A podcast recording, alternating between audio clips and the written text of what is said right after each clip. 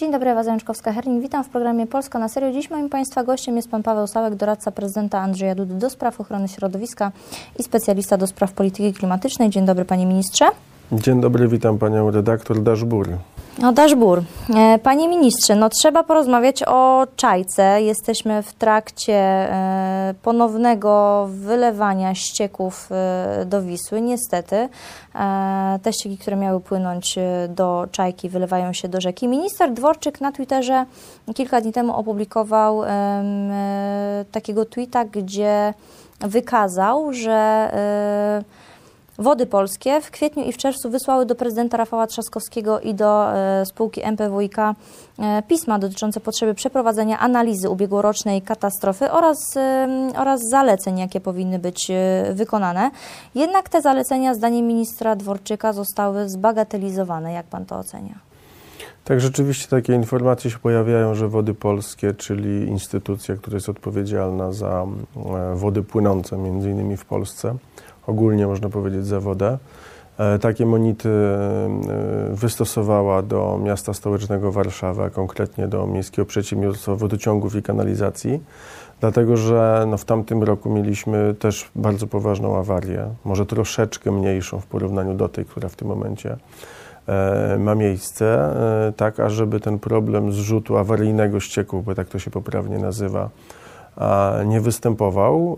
Okazało się, że dzisiaj Niestety mamy kolejne nieszczęście w naszej dzikiej rzece Wisła dotyczące właśnie zrzutu e, ścieków. No to jest sytuacja od strony środowiskowej e, bardzo poważna, dlatego że e, w ciągu krótkiego okresu jednak ogromna ilość ścieków komunalnych, tych sanitarnych, jest dostarczana do E, Wisły, a dodatkowo jeszcze problem został wzmocniony poprzez ulewne deszcze, które w ostatnich dniach przechodzą i przez Polskę, i przez Warszawę, także ta dodatkowa ilość ścieków także e, które są związane z tak zwanymi powierzchniami uszczelnionymi, czyli tak zwanej deszczówki, e, także dostaje się do, bezpośrednio do Wisły. No jest to problem, który miasto stołeczne Warszawa E, musi rozwiązać i tutaj pilność związana z tym, ażeby tą sprawę załatwić jak najszybciej, e, powinna być zrealizowana, dlatego że tutaj każda godzina, każdy dzień powoduje, że ta ilość ścieków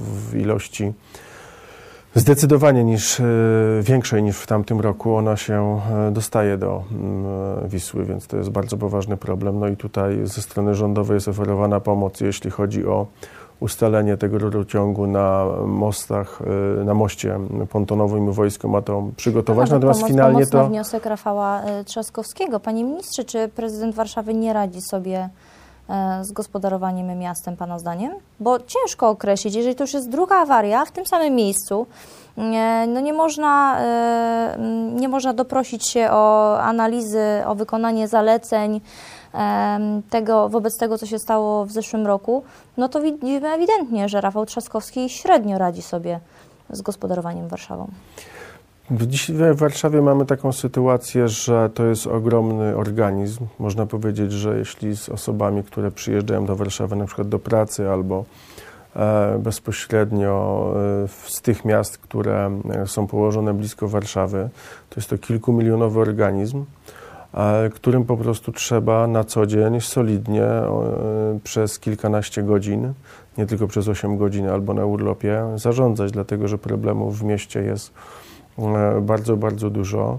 Jest to, można powiedzieć, taka wielka firma, której trzeba poświęcać czas i bezpośrednio w biurze urzędować, ażeby te problemy związane czy z transportem, czy z gospodarką wodno-ściekową, czego mamy e, przykład, e, czy ogólnie z gospodarką przestrzenną, z ładem przestrzennym, e, sprawy związane z korkami, z godzinami szczytu, no, rozwiązywać. I to jest rola prezydenta miasta, bo on w pierwszej kolejności jest prezydentem miasta stołecznego Warszawy, czyli stolicy, a Warszawa i stolica no to jest wizytówka także dla gości, którzy odwiedzają Warszawę miejsce, gdzie koncentruje się życie polityczne i gospodarcze e, kraju. Dlatego też tutaj rola prezydenta miasta jako włodarza no jest kluczowa, co wymaga po prostu poświęcenia tej pracy bardzo dużo czasu i to powinno być w pierwszej kolejności realizowane, nie jakieś e, bawienie się w dużą politykę e, ogólnopolską, bo chyba to powinno być na drugim miejscu, bo na pierwszym miejscu powinno być dobro warszawiaków i tych, którzy mieszkają w tym mieście. E, sprawą Czajki zajęła się prokuratura i Agencja Bezpieczeństwa Wewnętrznego, bo co jest nieco znamienne, MPWiK złożyło zawiadomienie do prokuratury o możliwości sabotowania e, czajki. Mamy dziwną sytuację, gdzie 28 sierpnia mm, kończy się taki mm, e, audyt czy mm, przegląd eksploatacyjny tego e, układu przesyłowego, a 29 sierpnia już mamy oficjalny komunikat, że do Wisły znowu wylewają się ścieki, więc coś tu nie gra. Pytanie co? Pani redaktor, jeszcze jedno sprostowanie, jeśli można, takie malutkie, bo często w mediach, Pani akurat to poprawnie y, nazwała, natomiast często w mediach pojawia się informacja, że jest, że jest awaria czajki. Czajka jest instalacją oczyszczania ścieków, czyli zwykłą oczyszczalnią, która funkcjonuje e, i tam do niej są dostarczane e, te ścieki, które mają być y, wyczyszczone. E, natomiast y, tutaj mamy do czynienia z tak zwanym kolektorem, czyli takimi dwoma, mówię w wielkim uproszczeniu, rurami e, przesyłowymi ścieków z lewobrzeżnej Warszawy bezpośrednio do e, oczyszczalni. Tutaj ten element transportowy ścieków uległ awarii. No niestety jest to duży problem, dlatego że od takiej strony merytorycznej, no to trzeba powiedzieć, że przegląd dokonywany przez odpowiednie służby i wyspecjalizowane osoby, które odbywał się, wykazywał, że ten przesył i ta instalacja kolektorów jest y, poprawna i że ona będzie funkcjonować. Natomiast no, na drugi dzień czy dwa dni później doszło do e, bardzo poważnej awarii, jeszcze większej niż e, w tamtym roku. E, trzeba się tej sprawie na pewno przyjrzeć od tej strony bezpieczeństwa. Natomiast tutaj kluczową sprawą jest to, żeby w jak najszybszym okresie E, przestały te ścieki płynąć e, do Wisły, co jest e, bardzo ważne. Natomiast czy jest jakaś korelacja pomiędzy działalnością osób trzecich na infrastrukturze krytycznej, mówię tutaj konkretnie o tych dwóch rurach w uproszczeniu kolektorowych, które służą do przesyłu ścieków, no to trudno mi tą sprawę oceniać. Być może są jakieś błędy związane z wykonawstwem. Prawdziwy diesel musi dymić. Piotr, ja mu depnę, a ty patrz czy dymy. Tate, tate, co tak dymi? No to jest diesel. Prawdziwy diesel musi dymić. Wycinając filtr DPF w samochodzie, zabijasz swoje dziecko. Tate, tate, dusi mnie! Twój samochód nie musi dymić. Wejdź na smogowicze.pl i dowiedz się, jak zadbać o czyste powietrze.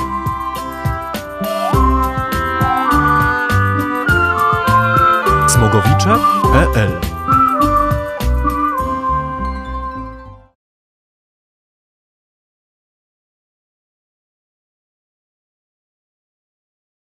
Panie ministrze, w związku z tym, co się dzieje z awaryjnym wyrzutem ścieków e, do Wisły, jak pan ocenia reakcję ekoaktywistów e, z jednej z największych organizacji e, ekologicznych? No bo rok temu tej reakcji nie było żadnej poza paroma tweetami. W tym roku mamy żądanie wyjaśnień i popływanie pontonami po rzece właśnie zalewanej ściekami. Mm, no i atakowane jest między innymi rządzenie skuteczne działanie. Jak pan to ocenia? No, akurat organizacja Greenpeace, albo raczej o jej oddział w Polsce, bo to jest y, organizacja, która jest bezpośrednio y, jest organizacją globalną, no, charakteryzuje się tym, że ma pewnego rodzaju takie happeningi i to jest powszechne. Mhm. A to jest już wpisane w charakterystykę jej działalności. E, tutaj mamy no, poważny problem, e, poważny problem w Warszawie, który nie dotyczy, można powiedzieć, tylko Polski, tylko całego basenu e, Morza Bałtyckiego, bo Polska była zobowiązana do tego, ażeby zrealizować krajowy program oczyszczania ścieków komunalnych i ten program w zasadzie jest, można powiedzieć, na ukończeniu. To było zobowiązanie, które przyjęliśmy wchodząc do Unii Europejskiej. Jednym z kluczowych elementów tego programu było także załatwienie gospodarki wodno-ściekowej e, w Warszawie. E, To w pewien sposób się udało. No teraz są te problemy e, związane z, e, ze zrzutem e, ścieków e, do Wisły. E, I takie akcje, no nie wiem, czy one mają pewnie na celu nagłośnienie te, te, tej sytuacji, natomiast e, nie rozwiązują problemu. Dobrze, że ten głos ze strony e, organizacji ekologicznej się pojawił, dlatego że tego głosu, mówiąc wprost, w tamtym roku, podczas tej pierwszej awarii, nie było. A w tym roku już jest, czyli następuje jakiś postęp. Natomiast oskarżanie, oskarżenie rządu o to, że to jest e, wina mm, rządzących, mówię w sensie władzy centralnej, e, to jest chyba no, niewłaściwy adresat, bo obojętnie jaki rząd by był, no tutaj za gospodarkę wodno-ściekową odpowiada samorząd. Czy to będzie małe miasto powiatowe, czy to będzie Warszawa, czy to będzie miasto wojewódzkie, to zawsze te instalacje związane z gospodarką wodno-ściekową, czyli z dostarczaniem wody, a także z e, oczyszczaniem ścieków e, komunalnych są po stronie e, samorządu. I tak należy na tą sprawę e, patrzeć. Natomiast tutaj, jeśli mówimy generalnie o gospodarce wodno-ściekowej e, w Polsce, to zostało jeszcze w tym zakresie troszeczkę do zrobienia, ale jesteśmy już naprawdę, można powiedzieć, na finiszu realizacji tego wielkiego programu, który w Polsce został zrealizowany, jeśli chodzi o ścieki komunalne. No dobrze, panie ministrze. Rafał Trzaskowski e, zaapelował o pomoc e, do rządu. Rząd zobowiązał się pomóc e, w tej awarii.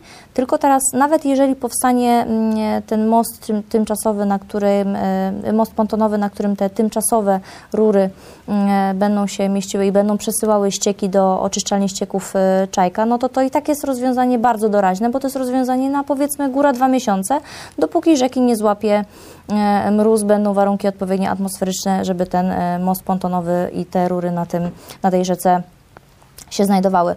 Co Rafał Trzaskowski jest w stanie zrobić w dwa miesiące, tak naprawdę, no bo teraz mamy wrzesień, powiedzmy do połowy listopada mogłoby to jakoś funkcjonować. Co Rafał Trzaskowski jest w stanie zrobić w te dwa, dwa i pół miesiąca, mm, żeby całkowicie pozbyć się em, awaryjnych kolektorów, no i żeby do takiej awarii już y, nigdy więcej nie doszło.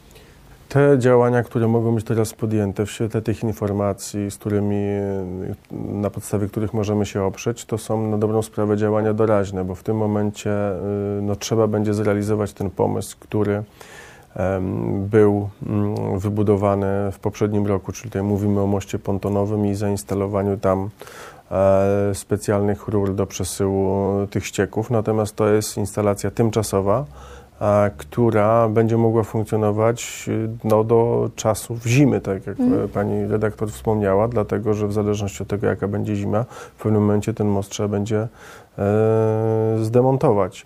To jest jedna sprawa. Druga sprawa w tych zapowiedziach, które się pojawiają, to jest pomysł związany z tym, ażeby e, dokonać tak zwanego przycisku. Takie rzeczy w instalacjach liniowych, szczególnie pod rzekami albo pod drogami się stosuje przycisku dla rur stalowych, którymi można by było te ścieki transportować, to mówię od strony inżynierskiej. Natomiast tak jak w przypadku, to jest moja opinia, tak jak w przypadku tego kolektora, który był zbudowany e, i tych rur stalowych, które miały być zaproponowane, istnieje niebezpieczeństwo tak zwanego wyboczenia, czyli dojścia do, e, gdyż pod dużym ciśnieniem te rury, tak jak kolektor przypuszczam, e, on, one mogą bardzo różnie pracować i może do, do, dojść do tak zwanego wyboczenia, co od strony inżynierskiej charakteryzuje się tym, że pod wpływem dużego ciśnienia e, dana rura, czy właśnie korektor, e, kolektor, czy, e, czy, czy jakaś inna instalacja zaczyna pracować w różnych kierunkach. To także występuje bardzo często w ciepłownictwie, takie te ukształty, które czasami widzimy przy drogach na sieciach napowietrznych, tak takie U, to właśnie mają służyć temu, ażeby nie do, dochodziło do e, nadzwyczajnych naprężeń, ażeby te naprężenia wskutek tego ukształtu e, zniwelować. Więc to od strony inżynierskiej te propozycje, które e, będą przedstawiane, zarówno most pontonowy, jak i e, ten przecisk pod Wisłą, na pewno są rozwiązaniami potrzebnymi, ażeby zniwelować tą, e, ten zrzut e, ścieków e, do Wisły, no są tymczasowe. Natomiast generalnie problem polega na tym, jak finalnie rozwiązać e, tą sprawę, dlatego że E, dlatego że tak wielki organizm i taka wielka instalacja, jaką jest e, oczyszczalnia ścieków Czajka, musi mieć dostarczane e, ścieki ze względu na zachowanie procesu technologicznego, co jest bardzo ważne także od strony biologicznej, e, a także miasto musi mieć bezpieczne, e, bezpieczny transport i oczyszczanie tych ścieków. Mówię tutaj szczególnie o stronie lewobrzeżnej e, Warszawy, więc e, tą sprawę trzeba finalnie rozwiązać, a te działania, o których przed chwilą powiedzieliśmy, to są działania tymczasowe. No właśnie, nie wyobrażamy sobie, że trzeci raz przecież dojdzie do takiej mm, e, awarii. Panie ministrze, ja nawiązałam do e, reakcji e, między innymi Greenpeace'u czy innych e, organizacji ekologicznych, dlatego że faktycznie można zauważyć taką zależność, że te organizacje no, niezbyt koncentrują się na rzeczywistej katastrofie, jakim jest, jaką jest e, wylewanie ścieków do rzeki i niszczenie całego ekosystemu oraz negatywny wpływ na zdrowie Polaków, ale bardzo mocno na przykład koncentrują się na atakowaniu lasów państwowych, już nie leśników, bo ekoaktywiści słusznie, słusznie zauważyli, że mm, atakowanie leśników nie przynosi im nic dobrego, w związku z tym skoncentrowali swój atak mm, centralnie na zarządzie lasów y, państwowych. Nawet pojawiają się tweety, że ten zarząd po prostu trzeba e, nad lasami państwowymi mm, zmienić. Z czego Pana zdaniem e, wynika właśnie mm, teraz taki atak e, na lasy państwowe? Bo to zaczęło się od takiej głośnej akcji mm, e, jednej z organizacji, która wykleiła na drzwiach biurowca lasów państwowych ogromne napisy nie tnijcie, potem było wniesienie ogromnego banera na, na gmach Ministerstwa Środowiska z karykaturą ministra Michała Wosia, ministra środowiska. Mm, Teraz mamy permanentny atak w mediach społecznościowych właśnie na zarząd lasów państwowych. Czy Pana zdaniem chodzi o to, żeby sprywatyzować lasy państwowe, a jeżeli tak, to kto miałby nimi zarządzać, jeżeli nie lasy państwowe? Te koncepcje związane z tym, ażeby tą formę organizacyjno-prawną e, lasów państwowych polskich zmienić, one występują w Polsce od wielu, wielu lat. I za tymi pomysłami stoją ośrodki liberalne, które takie, ten pomysł chcą wdrożyć e, w życie. No, lasy państwowe to jest ogromny organizm, który jest samofinansujący się, jednocześnie jest genialnym przykładem realizacji koncepcji zrównoważonego rozwoju, dlatego że lasy funkcjonują w tej formie organizacyjno-prawnej od blisko, e, funkcjonują blisko e, 100 lat. E, Świetnie sobie dają radę. Te obszary Natury 2000, rezerwaty, pomniki przyrody są w ogromnej ilości mm, e, objęte różnymi formami ochrony przyrody właśnie na terenie lasów państwowych. I polski model gospodarki leśnej, czyli gospodarki zrównoważonej, która pełni nie tylko funkcje produkcyjne, czyli pozyskania drewna z lasu, ale także funkcje społeczne, funkcje gospodarcze, e, jest najlepszym sposobem funkcjonowania lasów w Europie, a być może nawet na świecie.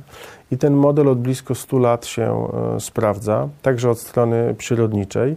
Natomiast ten majątek, który mają lasy państwowe, no on na pewno wzbudza różnego rodzaju namiętności i ciekawość, bo e, zarówno jeśli popatrzymy na to, co jest na pniu do pozyskania, jeśli chodzi o materiał e, drzewny, czy także o kruszywa, o tereny, no to w u niektórych osób na pewno wzbudza to ogromne zainteresowanie.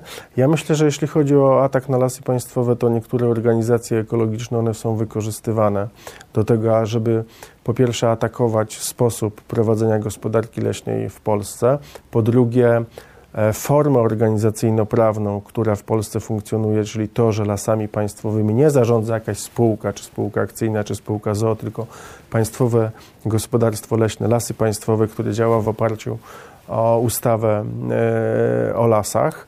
Mm, I to jest ten model polskiego leśnictwa, który jest e, bardzo dobrym przykładem dla całej Europy, jednocześnie przykładem, który się sprawdził w praktyce. I także tutaj trzeba powiedzieć wyraźnie, i to chcę powiedzieć jako doradca pana prezydenta Andrzeja Dudy, że pan prezydent Andrzej Duda jest zwolennikiem i ab- absolutnie akceptuje tą formę organizacyjno-prawną lasów państwowych, czyli Państwowego Gospodarstwa Leśnego Lasy Państwowe, a także akceptuje sposób działalności lasów państwowych, czyli prowadzenia zrównoważonej gospodarki leśnej w Polsce, dlatego że ten, ten, e, ten model on się sprawdził i pan prezydent Andrzej Duda jest zwolennikiem takiego działania i takiego prowadzenia e, leśnictwa w Polsce, a także w tej formie organizacyjno-prawnej, gdzie właśnie dyrektor generalny Lasów Państwowych plus dyrektorzy regionalni odpowiadają za e, to przedsiębiorstwo, plus cały system nadleśnic, nadleśniczego, e, podleśniczego, bo to jest coś, czego naprawdę zazdrości nam Europa, to trzeba sobie wyraźnie powiedzieć, bo lasy w Polsce w większości, w zdecydowanej większości są państwowe i tylko dlatego, że są państwowe i tylko dlatego, że e, e, no można powiedzieć jedna osoba jako dyrektor generalny Lasów Państwowych odpowiada za zarządzanie tymi lasami. Mamy je w takiej formie, z taką bioróżnorodnością, mamy zachowane e, i gatunki e, roślin, grzybów e, i zwierząt, co e, pokazuje, że ten sposób użytkowania środowiska daje jednocześnie możliwość ochrony środowiska, bo dzisiaj bioróżnorodność w polskich lasach jest przebogata, a leśnicy także ze swoich pieniędzy dokładają się między innymi do parków narodowych. Ogromne połacie, blisko 40% obszarów Natura 2000 jest właśnie na terenach lasów państwowych. E, To samo dotyczy rezerwatów, to samo dotyczy pomników przyrody i ktoś za to odpowiada, ktoś to pielęgnuje, jednocześnie użytkuje te ekosystemy. Ja podam taki przykład. Wyobraźmy sobie, że nie ma mm, e, zarządcy w postaci e, Lasów las, państwowych. lasów państwowych. I ja mam takie pytanie. Kto będzie realizował taką prostą rzecz jak sprzątanie w lasach? No dzisiaj lasy państwowe ze swoich pieniędzy wydają pożarów? blisko, wydają blisko 20 milionów złotych na sprzątanie niestety nieczystości i odpadów, czy popularnie mówiąc y, śmieci w lasach. I to jest koszt, który oni ponoszą. Podobna sytuacja jest z pożarami, tak jak pani redaktor wspomniała. Kto będzie odpowiadał za e, pożar, który wybuchnie na terenie lasów, czy proszę zauważyć e, pożar w Biebrzańskim Parku Narodowym, e, z którym mieliśmy do czynienia kilka tygodni temu. Jednak e, ogromną zasługę w ugaszeniu tego pożaru, oprócz Straży Pożarnej Państwowej i Ochotniczej, mieli e, leśnicy. Także to są sprawy, które, e, które należy chronić i należy dbać o to, ażeby y, ten model funkcjonowania leśnictwa w Polsce był absolutnie zachowany. Natomiast Polska jest wolnym krajem, każdy ma prawo do wyrażania swoich opinii, e, szczególnie w mediach społecznościowych e, organizacje, niektóre, które nazywają się organizacjami ekologicznymi, dokonują potwornego ataku na ten model leśnictwa i bezpośrednio na lasy państwowe. Czasami jest to no, w sposób e, e, bardzo przykry, tak bym powiedział też bardzo delikatnie, realizowane, bo opluwanie kogoś, wysypywanie komuś e, trocin e, czy blokowanie wejścia do e, firmy, z czego mieliśmy na przykład do, z czym mieliśmy do czynienia w e, dyrekcji regionalnej w Krośnie, po prostu no, przekracza e, granice swobody wypowiedzi i swobody manifestacji w Polsce. No, czasami jak się porównuje te protesty w Europie Zachodniej, czy w Holandii ostatnio, czy w Niemczech w porównaniu do tych protestów e, w Polsce, no to jednak te, te protesty w Polsce są bardzo radykalne i takie bardzo ostre. No i bardzo daleko idące e, w skutkach, no bo przecież e, wiemy, co się stało w e, Puszczy Białowieskiej. Leśnicy są zobowiązani do ochrony obszarów Natura 2000, tymczasem w Puszczy Białowieskiej te obszary zostały zniszczone właśnie przez umożliwienie gradacji kornika drukarza. Pytanie, kto za to będzie odpowiadał? Czy jako aktywiści, którzy blokowali wycinkę drzew, czy jednak e, mm, zarządcy Puszczy Białowieskiej? E, Znowu pewne sprostowanie, pani redaktor. Puszcza Białowieska to jest kompleks e, cały puszczański. No tak, mówimy, o, Narodowy reze- to mówimy, wtedy o, też tak, mówimy o rezerwatach, mówimy Tak, o Parku Narodowym, wiadomo, tak. to, to jest kompleks, tak, ale Natomiast- chodzi o tę, o tę część e, gospodarczą właśnie i rezerwaty. Tak, więc jeśli chodzi o Park Narodowy czy rezerwaty, to tam nigdy nie było e, pomysłu, żeby tam dokonywać działalności m, gospodarczej leśnej, bo tam jest plan Oczywiście, ochrony, jest tak. realizowany, natomiast, ale to jest pewne przekłamanie, które świadomie w społeczeństwie jest e, sycone i przekazywane, ponieważ te działania związane z ochroną e, aktywną, ochroną czynną kompleksu Puszcza Białowieska dotyczyły trzech nadleśnictw, Brosk, Białowieża i Hajnówka. Części gospodarczej. Części gospodarczej, absolutnie. Natomiast całym nieszczęściem y, kompleksu Puszcza Białowieska jest to, że mm, tam mamy do czynienia z mnogością aktów prawnych różnego rodzaju i dyrektywy unijne, i strefa e, i obszar UNESCO, e, prawa lokalnego i, i tak dalej. To jest w ogóle dyskusja na oddzielny, na oddzielny program.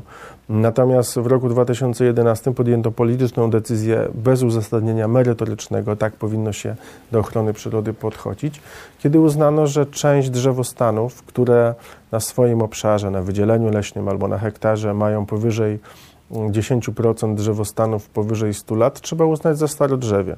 I ta definicja starodrzewia to jest w ogóle pewien problem bardzo szeroki, czy tak zwanych lasów pierwotnych, e, także w ujęciu europejskim, jest nie do końca zdefiniowana i ujęta. Ja tu także mam na myśli te problemy, które za chwilę przyjdą, jeśli chodzi o polskie leśnictwo i polską ochronę przyrody, dlatego że ta koncepcja wyłączenia obszarów, które mają powyżej 100 lat drzewostanów, pojawia się bardzo mocno w y, strategii na temat, y, na, na temat bioróżnorodności, którą opublikowała Komisja Europejska w 2020 roku w maju. I ta strategia w tym momencie jest dyskutowana. I tam I jest się- ogromny to, nacisk ministrze, położony na ochronę bierną. Ale to się teraz pokrywa z y, postulatami y, ekoaktywistów, którzy właśnie chcą wyłączenia minimum 15% e, lasów spod całkowitej y, wycinki, w tym wszystkich drzewostanów y, starych i, mm, i drogocennych. I te drzewostany stare to są właśnie te drzewostany uznane, to są te drzewostany, które mają 100 i więcej lat. Y, Tak, panie redaktor, to jest zbieżne. Tak, to rzeczywiście jest zbieżne, dlatego że strategia na rzecz bioróżnorodności i ochrony przyrody w Unii Europejskiej z maja, która została opublikowana, e, właśnie proponuje 10 albo 15% w ogóle wyłączenia e, z użytkowania przez człowieka. To jest taka koncepcja e, dzikiej przyrody i te działania, które w tym momencie są prowadzone w przestrzeni publicznej ze strony niektórych organizacji ekologicznych, sprowadzają się do tego, ażeby wymusić albo przekazać informację, że drzewostany stuletnie są czymś nadzwyczajnym. I teraz z punktu widzenia przyrodniczego, jeśli na to spojrzymy, to dlaczego uznano, że drzewostaw stuletni m, przedstawia jakąś szczególną, nadzwyczajną wartość? To 100 lat moim zdaniem to jest odniesienie do wieku życia człowieka. A jeśli spojrzymy na przyrodę, to mogą być setki lat, mogą być dziesiątki tysięcy lat, a jeśli spojrzymy na przyrodę nieożywioną, głazy, skały, yy, no, takim przykładem bardzo dobrym przyrody nieożywionej jest na przykład ojcowski e, Park Narodowy, czy Jura Krakowsko-Częstochowska, tak, Jurajski Park Krajobrazowy, gdzie mówimy o przyrodzie nieożywionej, to tam to już idzie w setki i można powiedzieć miliony lat. Więc y, problem polega na tym, że y, w Europie i w Polsce dochodzi do sytuacji informacji i przekazywania społeczeństwu e, takiej wiedzy, że drzewostan stuletni jest drzewostanem jakimś nadzwyczajnym. Wymagającym Ale od strony ochrony. przyrodniczej czy naukowej, do czego się to odnosi? No jeśli spojrzymy dla danego stadium sukcesji, dla danego ym, y, wieku drzewostanu, na przykład występują tam różnego rodzaju gatunki, Mhm. które są związane z drzewem, które żyje, funkcjonuje. Ale na przykład dla drzew, które e, już y, są w innym stadium albo w stadium początkowym, występują zupełnie inne gatunki roślin, e, grzybów i zwierząt. Są gatunki, które są związane tylko i wyłącznie z martwym drewnem, a są gatunki, które są związane z drewnem, które, e, z drzewami, które żyją, ale jednocześnie nie są zupełnie obumarłe, więc tutaj e, dochodzenie i jak gdyby koncentrowanie się tylko na tym, że 100 lat, 100 lat drzewostan, 100 lat jest super cenny przyrodniczo, no jest nie do końca prawdziwe, ale te działania, które s, ostatnio obserwujemy związane z atakami na lasy państwowe, e, plus e, te koncepcje formalno-prawne, które w Unii Europejskiej są przedstawiane, one, jeśli na nie popa- popatrzymy, są zbieżne ze sobą.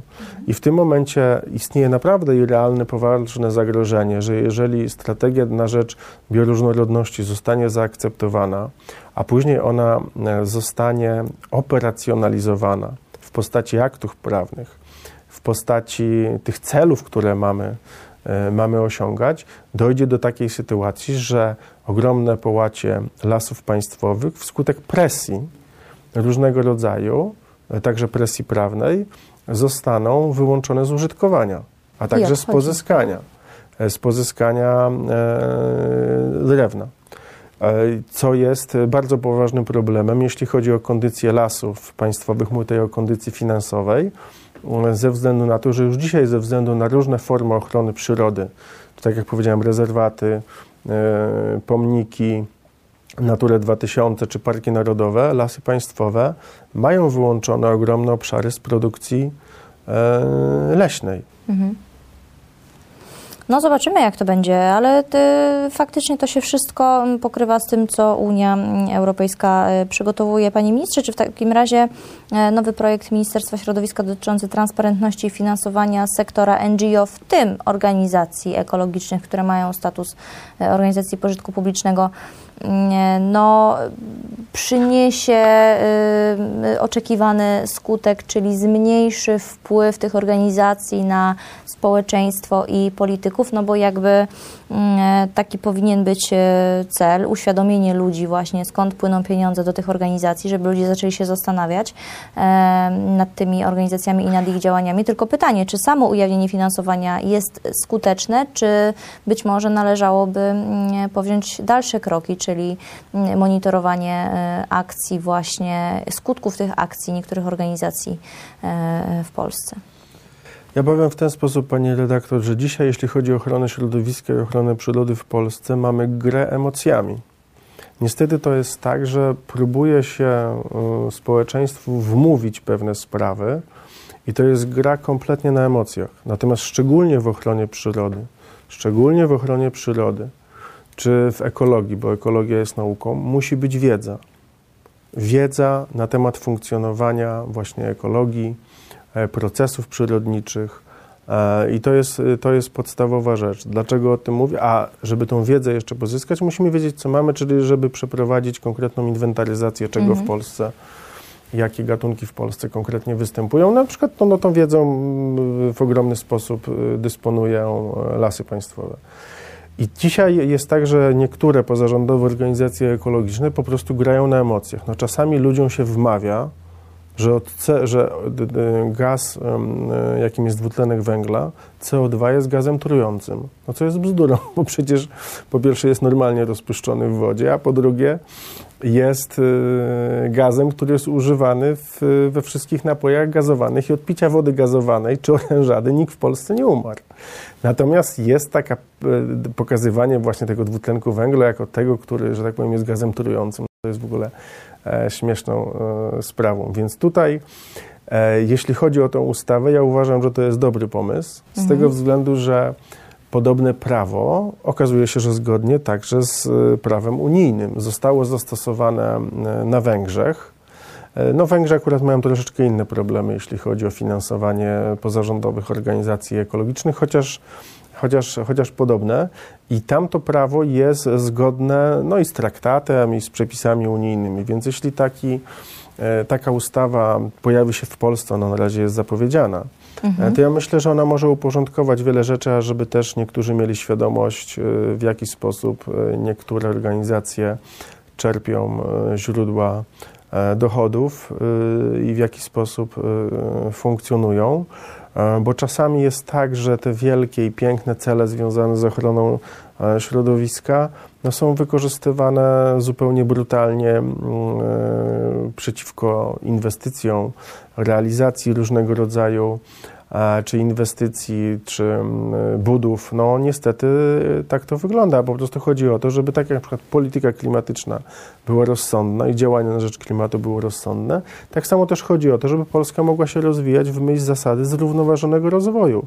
Czyli chodzi o to, żeby tak korzystać ze środowiska, a żeby uszczerbek na środowisku był jak najmniejszy albo nie było go w ogóle, a żeby te walory przyrodnicze i środowiskowe zachować dla wszystkich pokoleń, a jednocześnie mieć możliwość normalnego funkcjonowania. Bardzo panu dziękuję za dzisiejszy komentarz. Gościem programu Polska na Stroju był pan Paweł Sałek, doradca prezydenta Andrzeja Dudy do spraw ochrony środowiska, specjalista do spraw polityki klimatycznej. Bardzo dziękuję. Dziękuję bardzo.